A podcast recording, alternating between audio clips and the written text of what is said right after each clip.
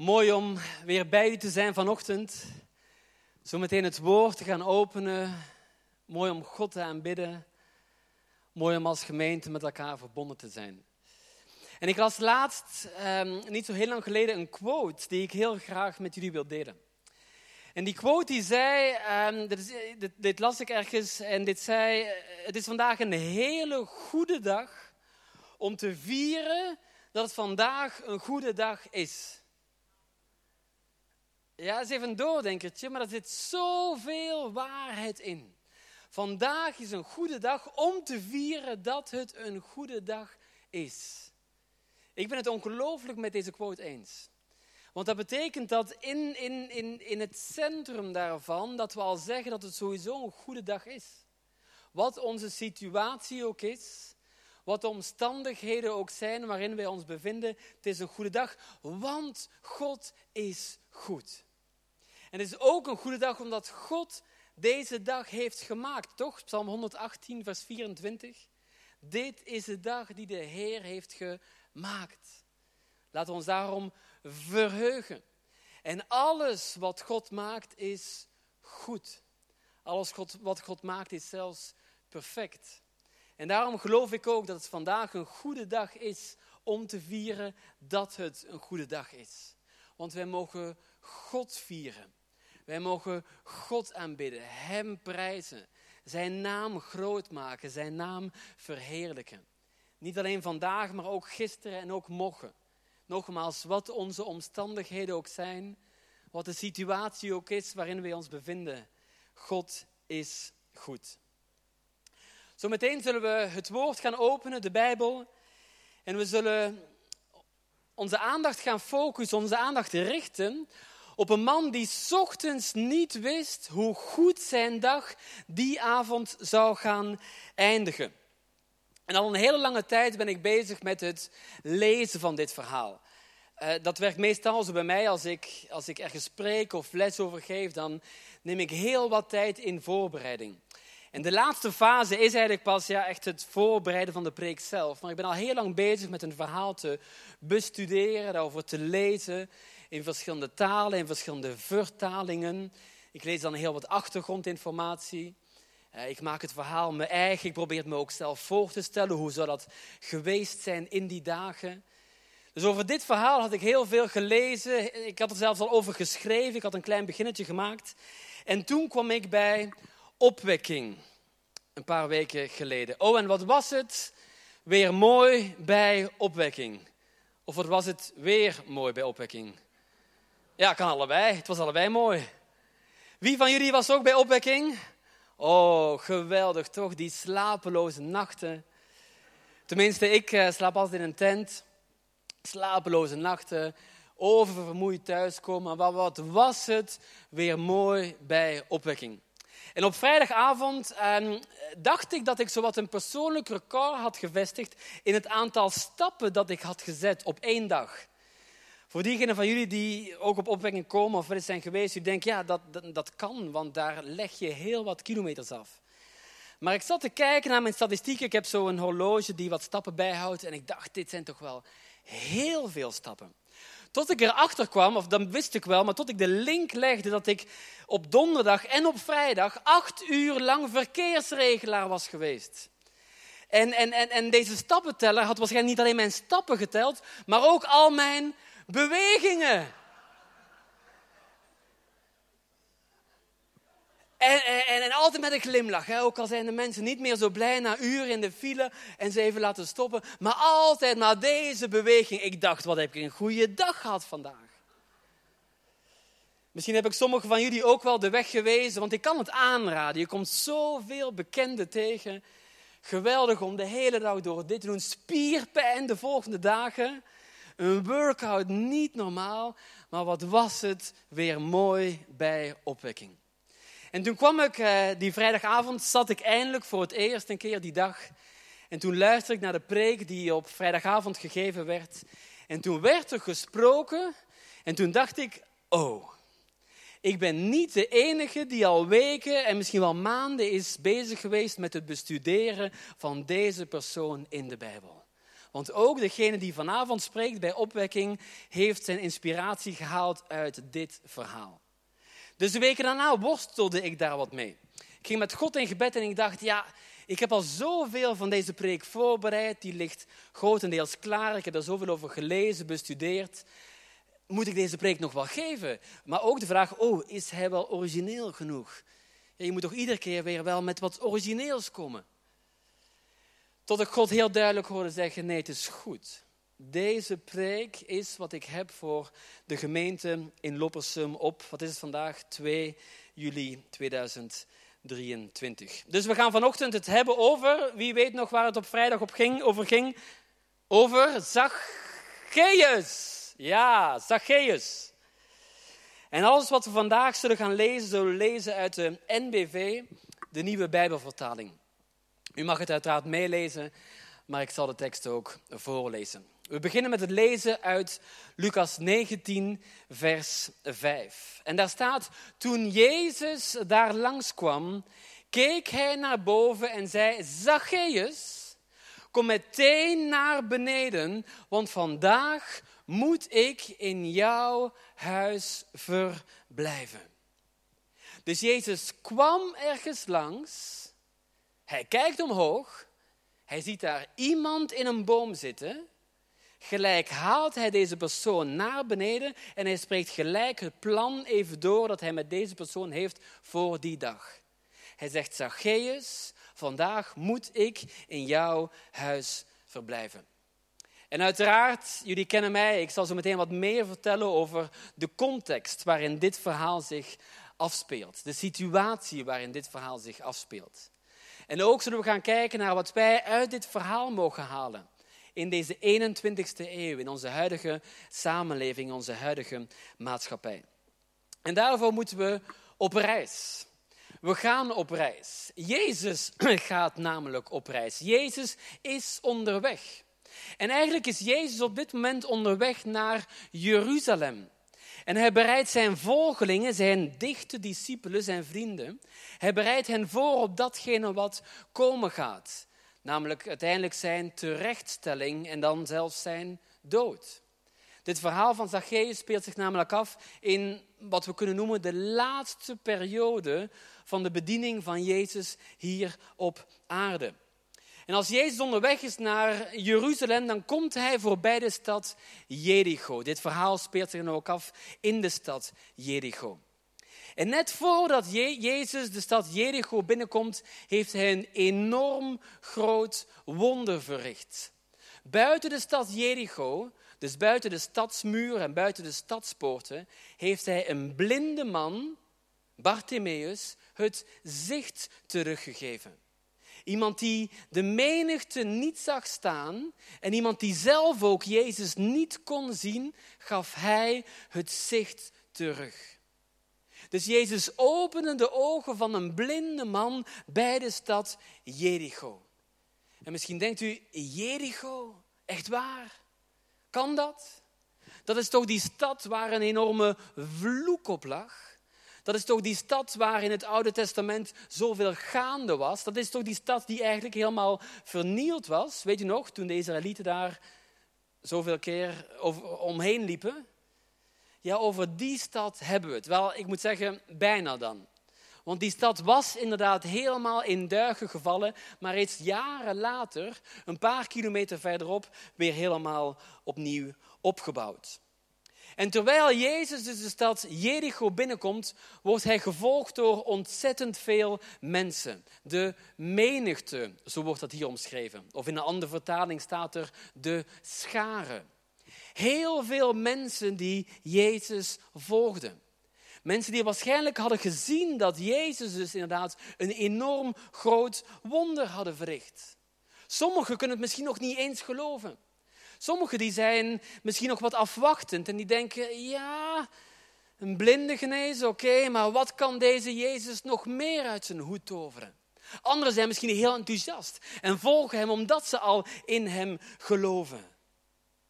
Anderen denken, blinde genezen, dat moet toch wel een enorm bijzondere man zijn. En het is op dat moment als Jezus dus gevolgd wordt door de scharen, door de menigte, dat er een heel interessant persoon aan ons wordt voorgesteld. In vers 2 van datzelfde hoofdstuk. Een tollenaar wordt aan ons voorgesteld. Een hoofdtollenaar zelfs. Een rijke hoofdtollenaar, zo staat erbij geschreven. Een rijke hoofdtollenaar en zijn naam is Zacchaeus. En in onze tijd, in onze samenleving, in onze maatschappij, zijn wij wellicht niet meer zo bekend met de term tollenaar, toch? Ik bedoel, ik, ik, ken niemand die van beroep is tollenaar. Ik ken wel nog steeds mensen die bij de belastingen werken. En dat is iets waar we wel misschien iets meer bekend mee zijn. Als het goed is dan toch tenminste. Belastingen betalen. Hè? Iets wat we allemaal, nou, misschien iets minder graag doen. 1 mei is altijd een datum waarvan ik denk, oh ja, de belastingaangifte moet weer ingeleverd worden voor 1 mei. Wel, Zacchaeus was zo'n belastingsinner, maar niet zo'n gewone. Nee, Zacchaeus die werkte natuurlijk voor de Romeinen. Heel logisch, want dit gedeelte van de wereld, deze regio, stond onder het bewind van de keizer in Rome. Dus we zouden eigenlijk kunnen zeggen dat Zacchaeus voor de vijand werkte. Maar naast dat geld wat Zacchaeus moest gaan ophalen voor de keizer in Rome, hadden Zacchaeus nog veel meer geld op. En wat deed hij met, zijn, met dat geld? Dat stak hij in zijn eigen zak. Zacchaeus was dus eigenlijk iemand die je liever niet voor je deur zag staan. Zacchaeus was een bandiet. Eh, Zacchaeus was een echte dief. Zacchaeus was een schurk. Zacchaeus was iemand die eigenlijk alleen maar aan zichzelf dacht. Maar Zacchaeus was ook iemand die in heel hoog aanzien stond bij zijn werkgever. Hij deed alles wel voor zijn werkgever heel goed. Minder voor het volk, maar wel voor zijn werkgever, de Romeinen dus. Want hoofdtollenaar, dat werd hij niet zomaar. Dit gaf hem uiteraard heel veel privileges. Dit gaf hem heel veel voorrechten. Zijn titel alleen al zorgde ervoor dat hij heel wat kon maken. Zacchaeus had zoveel geld van de mensen gestolen dat hij wellicht alles had wat zijn hartje begeerde. En vandaag, echt precies op deze dag, is er maar één iets wat Zacchaeus wil. En dat lezen we in vers 3 van hetzelfde hoofdstuk. Daar staat, hij wilde Jezus zien. Zacchaeus wilde Jezus zien. Om te weten te komen wat voor iemand het was. Maar dat lukte hem niet vanwege de menigte, want hij was, zo staat hier, klein van stuk. Enorm herkenbaar dit. U, ja, u snapt al waar ik heen wil. Ja, ik woon als, ja, laat ik zeggen, niet zo grote Vlaming, zowat in het land van de reuzen. Ik bedoel, ja, geweldig, Heer, dat u mij heeft geroepen naar Nederland. Al 18 jaar lang mag, denk ik, mag ik hier wonen en werken en leven in het land van de, zowat de grootste mensen op aarde. En ook ik heb het wel vaker meegemaakt dat er zoveel mensen om mij heen stonden, dat ik niet veel meer zag dan de rug van de lange Nederlander die voor mij stond. Zeker als Peter Vlas, ik zie hem nu niet, maar zeker als Peter Vlas dan voor me staat. Niet veel meer zien dan de rug, of nou ja, zo klein ben ik ook weer niet. Laat ik zeggen, de schouders van diegene die voor mij stond. Dus Zacchaeus wilde Jezus zien. Hij had waarschijnlijk zoveel over deze man gehoord en hij was enorm nieuwsgierig geworden. Hij was enorm benieuwd geworden. En wellicht dacht hij dat het heel gemakkelijk zou gaan worden om Jezus te zien. Wellicht dacht hij dat de mensen, de menigte, de scharen wel uit de weg zou gaan, net zoals hij dat altijd had, had, had, had verwacht van de menigte. Wellicht dacht hij dat hij met zijn verkregen naam en faam ook hier faam en naam kon maken bij Jezus. Zacchaeus wilde vandaag niets anders, echt niets anders dan het zien van Jezus. Maar dat lukte hem niet. De menigte ging niet opzij zoals hij dat van de menigte verwacht had. Zijn reputatie, zijn titels, die verdwenen, die smolten als sneeuw voor de zon. En als ik me dan even in de plaats stel van die menigte en naar Zacchaeus zou kijken, dan kan ik me dat heel goed voorstellen. Waarom zouden wij een schurk, een bandiet, een dief, waarom zouden wij iemand die alleen maar aan zichzelf denkt, nu deze keer een plaatsje op de eerste rij geven? Gewoon aansluiten, achteraan aansluiten, net als iedereen anders. Maar kleine mensen mag je nooit onderschatten.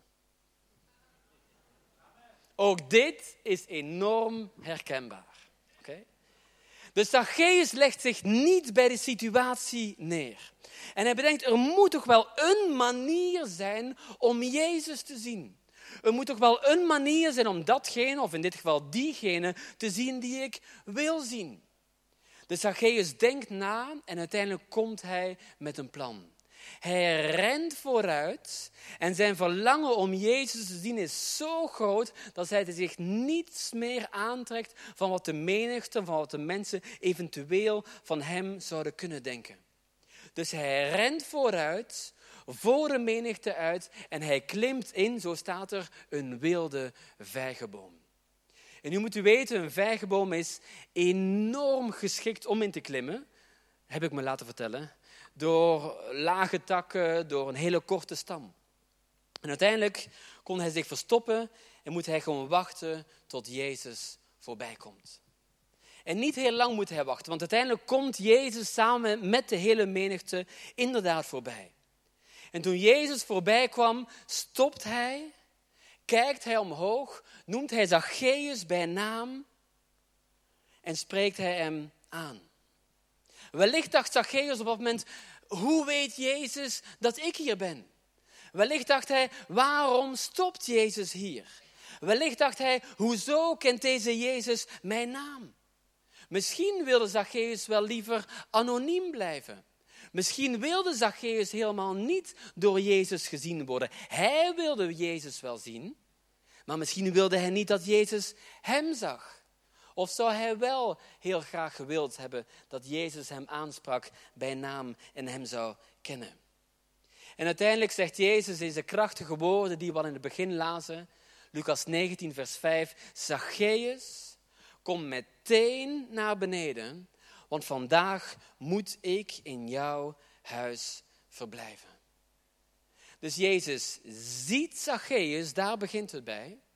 Hij spreekt hem aan bij zijn naam. Met andere woorden, hij spreekt identiteit over hem uit. En daarna zegt hij, kom naar beneden, ik moet in jouw huis verblijven. Met andere woorden, hij spreekt bestemming uit, onmiddellijk al.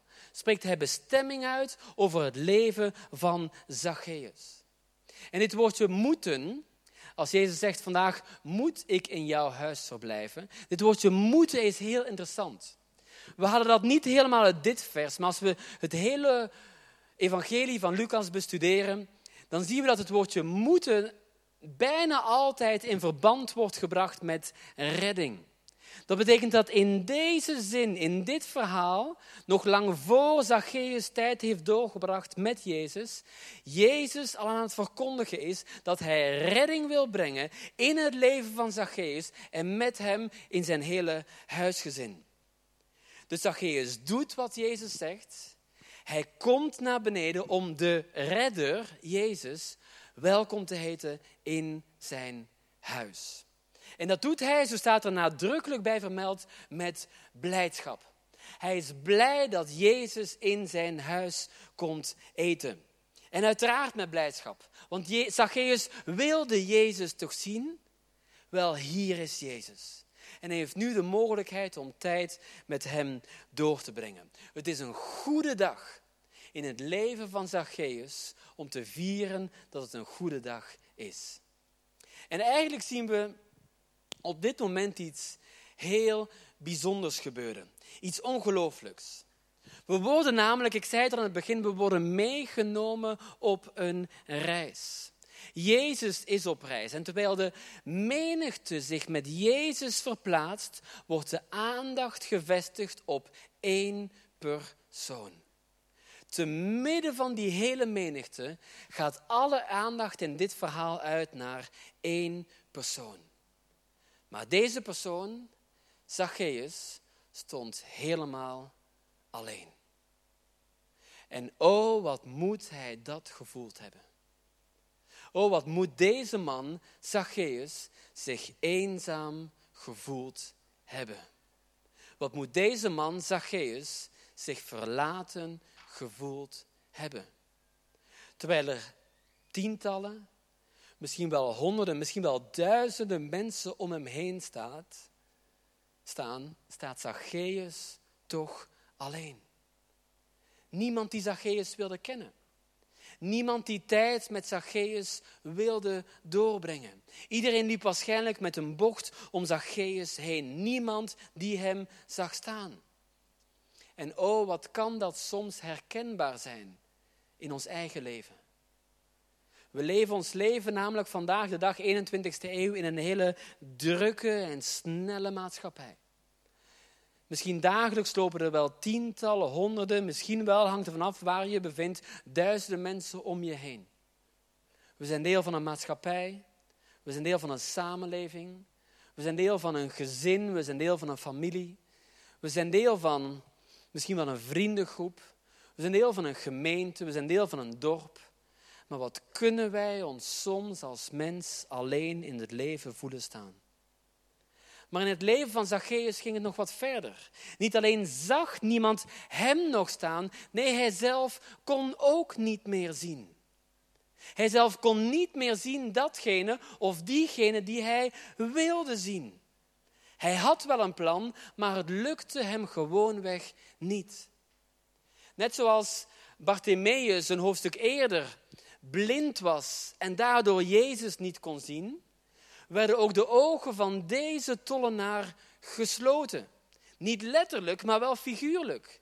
De menigte, de mensen om hem heen, verhinderden het hem namelijk om te zien datgene of diegene die hij wilde zien. Hij voelde zich heel klein en de menigte was ontzettend groot. Hij voelde zich heel nietig, maar de menigte was ontzaglijk.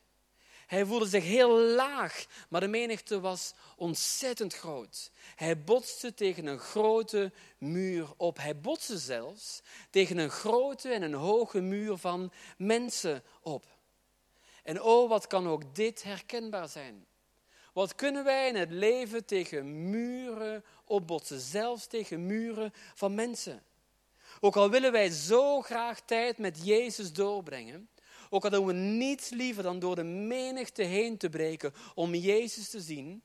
Ook al willen wij al onze aandacht, al onze focus aan Jezus geven, wij kunnen gehinderd worden in het leven. Wij kunnen gehinderd worden in het najagen van het grootste doel, het hoogste doel, de hoogste roeping die op het leven ligt van iedereen in deze wereld, namelijk het kennen van God. Wij kunnen gehinderd worden door aardse ambities, door aardse omstandigheden en worstelingen. We kunnen gehinderd worden door drukke agenda's. We kunnen gehinderd worden door onze samenleving, door ons werk, ja zelfs door de kerk of door Gods mensen. Ik ben uiteraard nog heel jong. Ik las hier een pauze in omdat ik misschien een amen verwachtte. We proberen het gewoon nog een keer. Ik ben nog heel jong. Amen.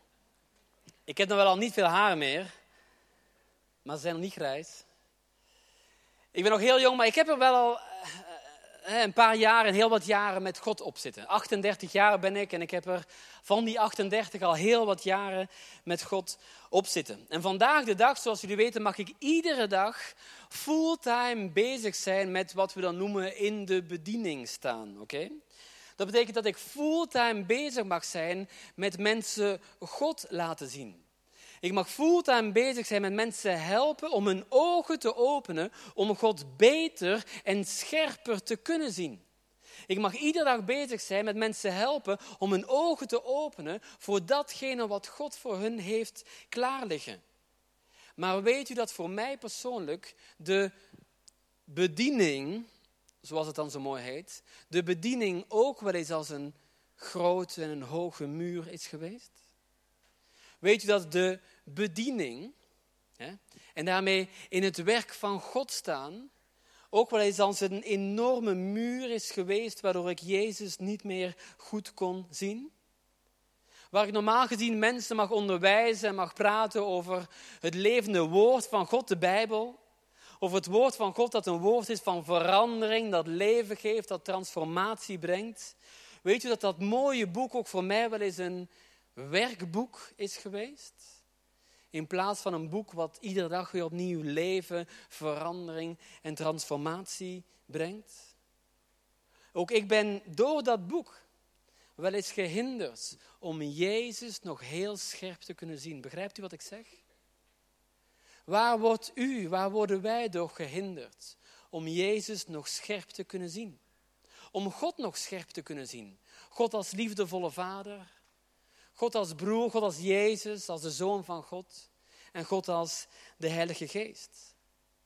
In het verhaal van Zacchaeus is het heel duidelijk dat hij Jezus niet kon zien door zelf omhoog te kijken, maar dat hij alleen maar Jezus kon zien doordat Jezus omhoog keek en Jezus, of, en Jezus Zacchaeus zag zitten. Jezus keek omhoog en nadat ze uiteindelijk tijd met elkaar door hadden gebracht, de maaltijd hadden gedeeld en wellicht veel hadden gepraat met elkaar, zegt Zacchaeus dit in vers 8. Hij zegt, kijk Heer, hij noemt hem al Heer. Hij zegt, kijk Heer, de helft van mijn bezittingen geef ik aan de armen. En als ik iemand iets heb afgeperst, vergoed ik het viervoudig. Zacchaeus legt hier dus een soort van gelofte af. Hij zegt hiermee dat hij het leven achter zich wil laten. Dat leven waarbij het alleen maar om zichzelf ging en waarbij hij geen tijd en ruimte had voor de mensen om hem heen. En waarom doet hij dat? Omdat hij Jezus gezien had. Ik geloof dat je niet in de aanwezigheid van Jezus kan zijn en onveranderd weg kan gaan. Jezus brengt altijd leven. Jezus brengt altijd transformatie. Jezus brengt altijd hoop en verandering. En dan geeft Jezus antwoord aan Zacchaeus in vers 9 en in vers 10. En dan zegt hij, vandaag, dus het gebeurt allemaal op één dag. Hij zegt, vandaag is dit huis een redding ten deel gevallen. Want ook hij is een zoon van Abraham. En Jezus gaat verder en hij zegt, de mensenzoon Daarbij heeft hij het over zichzelf. De mensenzoon is gekomen om te zoeken en te redden. Datgene wat verloren was. En redding gaat in deze context volledig over het herstel tussen God en de mens. Dat is het doel van Jezus. Jezus wil altijd verzoening brengen. Jezus wil altijd herstel brengen. Maar we zouden hier kunnen denken, heel even zouden we kunnen denken, dat Zacchaeus deze redding te danken heeft aan zijn eigen werken. Want hij geeft plots heel veel geld weg en dan zegt Jezus dat de redding zijn huis ten deel is gevallen. Maar niets is minder waar. Uiteraard heeft Zacchaeus deze redding niet aan zichzelf te danken. Maar Jezus of de mensenzoon, zoals hij zichzelf hier noemt, haalt het thema wel aan, maar dan vooral omdat de menigte om hem heen klaagt en moppert en zeurt, omdat Jezus de maaltijd wil nuttigen samen met een zondig mens. En dan zouden we ons inderdaad de vraag kunnen stellen, want dat is de vraag die ook de menigte zich stelde, kan redding echt wel mogelijk zijn in het leven van iemand als Zacchaeus? deze schurk, deze bandiet, deze echte dief. Deze persoon die alleen maar aan zichzelf denkt en geen oog meer had voor de mensen om hem heen. En wat we hier zien is een ontzettend diep werk van genade. Niet alleen in het leven van Zacchaeus, maar met hem zijn hele huisgezin. Maar ook zouden we dezezelfde vraag op onszelf kunnen betrekken. Misschien zitten wij zo te wachten op die verandering en transformatie. Misschien zitten wij zo te wachten op die ommekeer in ons leven. Misschien zitten wij zo te wachten om Jezus te zien, Maar stellen wij onszelf ook wel die vraag of die verandering, die redding, die transformatie ook ons huis wel ten deel zal vallen? Misschien willen wij Jezus wel zien, maar worden we heel sterk gehinderd. Misschien zijn we hier vanochtend aanwezig en voelen we ons misschien net een beetje als deze Zacchaeus. Jezus wel willen zien, maar niet kunnen zien. Maar ook in deze context. Misschien omgeven zijn door heel veel mensen, maar mensen lopen met een bocht om je heen. Mensen zien je niet staan. Mensen lopen met een bocht om je heen omdat je misschien anders bent. Maar misschien zien mensen je ook niet staan omdat je inderdaad misschien wel aan jezelf te danken hebt. Omdat je het er misschien wel zelf naar gemaakt hebt. Je wil wel door anderen en door Jezus gezien worden, maar het lukt je niet om door de menigte heen te breken. Je wil die redding wel zien, maar uiteindelijk kies je ervoor om vooruit te lopen en om de kat uit de boom te kijken. De vijgenboom. En uiteindelijk is dat moment aangebroken waarop Jezus bij jouw boom, bij uw vijgenboom aankomt. En dan maakt het niet uit of je achteruit loopt of juist voor de menigte uit. Dan maakt het niet uit of je in een hoekje helemaal gaat verstoppen voor de menigte en voor Jezus. Of dat je juist jezelf heel kenbaar maakt omdat je Jezus wil kunnen zien. Het maakt niet uit of je inderdaad in een boom klimt of juist niet. Jezus stopt. Jezus stopt en hij ziet jou waar een menigte met een hele grote boog om iemand als Zacchaeus heen loopt, stopt Jezus. Waar een menigte vol afschuw, vol aversie, vol afgrijzen naar iemand als Zacchaeus kijkt, kijkt Jezus omhoog. Waar de menigte iemand als Zacchaeus naar beneden wilt halen om hem af te breken, haalt Jezus iemand als Zacchaeus naar beneden om hem weer op te bouwen. Want Jezus, lieve mensen, is altijd anders. Jezus staat altijd stil. Jezus ziet jou. En Jezus zegt: Kom naar beneden. Kom uit die vijgenboom. Laat jezelf zien. Verstop je niet langer, loop niet langer voor de menigte uit, maar laat jezelf zien. En ik geloof dat dat het woord is wat God vanochtend tegen heel wat mensen en tegen ons als gemeente gezamenlijk wil zeggen. Kom uit die boom en laat jezelf zien. Want het is tijd voor verandering. Het is tijd voor transformatie. Het is tijd voor mijn leven die ik wil uitstorten over jouw leven. Maar, maar, maar, maar, maar, maar, maar. Maar. Hoe dan? Hoe kan Jezus mij zien dan? Met die menigte om mij heen die zo groot is. Hoe kan Jezus mij horen dan? Met al dat geschreeuw om mij heen dat zo luid is. Of, of, of, of een andere. Uh, ik kan Hem toch niet zien? De menigte is toch veel te groot, het geschreeuw is toch veel te luid. Of we kunnen zeggen, ik heb het er toch zelf naar gemaakt dat ik Jezus op dit moment even niet zie. Ik heb het er toch zelf naar gemaakt dat ik het recht niet meer heb om door Jezus gezien te worden en opgebouwd te worden. En vaak gaan we die leugens geloven. Dat we het recht niet meer hebben om door Hem gezien en gehoord te worden. Maar laat ik de waarheid vanochtend proclameren. Jezus ziet jou. Jezus kent jou. Een van de liederen zong het zo mooi. Van, de, een van de liederen zei het zo mooi vanochtend. Jezus ziet jou, hij kent je gedachten. Hij kent ons door en door. Ook al hebben we het misschien aan onszelf te danken dat we Jezus even niet zien, Jezus ziet jou. Ook al loop jij vanochtend heel ver bij Jezus weg. Ook al denk je, Jezus, ik zie u niet. Ik weet niet hoe het komt. Ik heb misschien aan mezelf te danken, misschien door anderen. Maar ik zie u niet. Jezus ziet jou. Ook al zijn er heel veel omstandigheden buiten u, buiten jou om, waardoor je Jezus op dit moment even niet ziet. Jezus ziet jou. Ook al is er jou of u verdriet aangedaan, pijn aangedaan.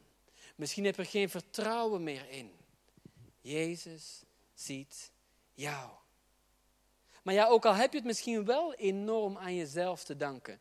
Dat er in één keer een hele hoge muur voor je staat. En mensen jou niet meer zien en je ook denkt dat God jou niet meer ziet. Laat ik het nogmaals zeggen. Jezus ziet jou. Want terwijl de menigte de aandacht lijkt op te eisen van Jezus, ging alle aandacht van Jezus uit naar die ene man dat ene individu. Diegene die zich hoog in die boom had verstopt. En oh, wat moet dat een rollercoaster geweest zijn voor deze man. Ik bedoel, ochtends horen over een man die onderweg is naar Jeruzalem, die uiteindelijk Jericho binnenkomt, die net voordat hij Jericho binnenkomt een enorm groot wonder heeft gedaan in het leven van een blinde man. Dat moet hij toch wel even met zijn eigen ogen zien. En dan probeert hij Jezus te zien. Het lukt hem niet. Hij breekt door de menigte heen. Hij wordt afgewezen en afgewezen en nog meer afgewezen. Hij loopt voor de menigte uit. Hij komt met een plan. En uiteindelijk, terwijl hij hoog in die boom zit, ziet hij Jezus en Jezus ziet hem. Wat een rollercoaster. Wat moet dit een dag geweest zijn waarbij zijn emoties oh, op en neer gingen zijn gevoelens alle kanten uit werden geslingerd, maar ook een dag met enorm veel vragen. En een dag met enorm veel overwinningen. Maar dan kan ik mij zo voorstellen dat er die avond iemand in zijn bed ligt en denkt, wat is dit een goede dag om te vieren dat het vandaag een goede dag is geweest. Want weet u, Jezus heeft altijd een doel. En wij met onze ogen zien het misschien niet altijd meer. Maar Jezus heeft altijd een plan. Jezus heeft altijd een strategie. En zijn doel, zijn plan, zijn strategie is altijd om redding te brengen. En ook daarom is vandaag een uitzonderlijk goede dag. Net zoals gisteren een uitzonderlijke goede dag is en morgen een uitzonderlijke goede dag zal zijn. Want Jezus is bezig om redding te brengen. Jezus kijkt naar ons als gemeente samen en naar ieder individu hier aanwezig of via livestream of wie later via YouTube zal kijken. God ziet jou. God ziet u. En daarom is het mijn gebed en ik wil u uitnodigen om te gaan staan als u in die gelegenheid en die mogelijkheid bent. Maar het is mijn gebed vanochtend dat we hun bomen zullen gaan opzoeken. Maar er uiteindelijk ook weer heel snel uit zullen gaan klimmen.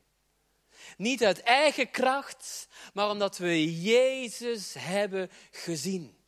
Door het loof van al die bladeren heen, als het misschien even niet meer lukt om Jezus heel scherp en duidelijk te zien, dat we wel die moed zullen hebben om voor de menigte uit te lopen en Jezus in de ogen te kijken. Want weet u, het zijn de mooiste ogen die er zijn.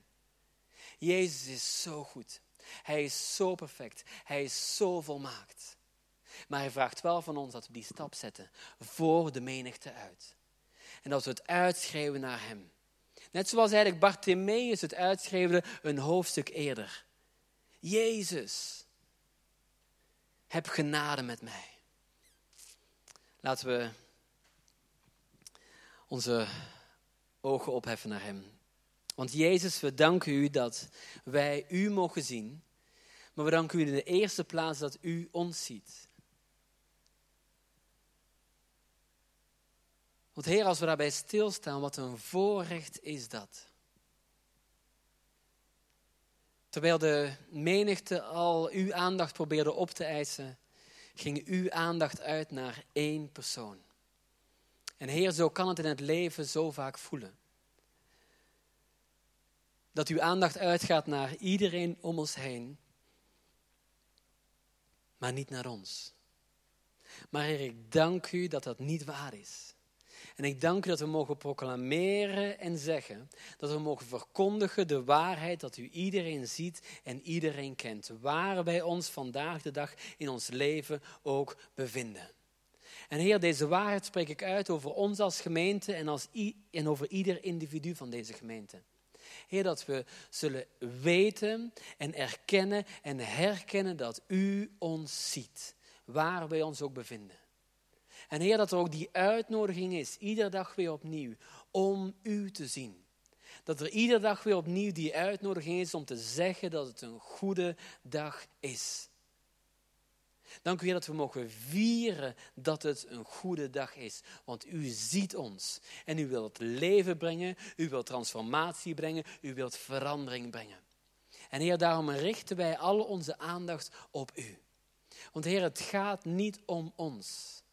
Net zoals Zacchaeus dat leven kon achterlaten waarbij het alleen maar om zichzelf ging, willen we vanochtend zeggen, Heer, het gaat niet om ons. Maar het gaat alleen maar om u, Vader. Het gaat alleen maar om u, Koning Jezus. Het gaat alleen maar om u, Heilige Geest. En wij danken u, Heer, dat wij in gemeenschap met u verbonden mogen zijn. Gericht op u en in liefde met u verbonden. Heer, wij danken u voor het kruis het wonder voor het kruis. Heer, we danken u voor de uitstorting van de Heilige Geest. En we danken u voor uw liefde die er iedere dag weer opnieuw voor ons is. Dank u dat u ons ziet. En we willen zeggen, we willen u zien. We prijzen u en bedanken u. In Jezus' naam. Amen.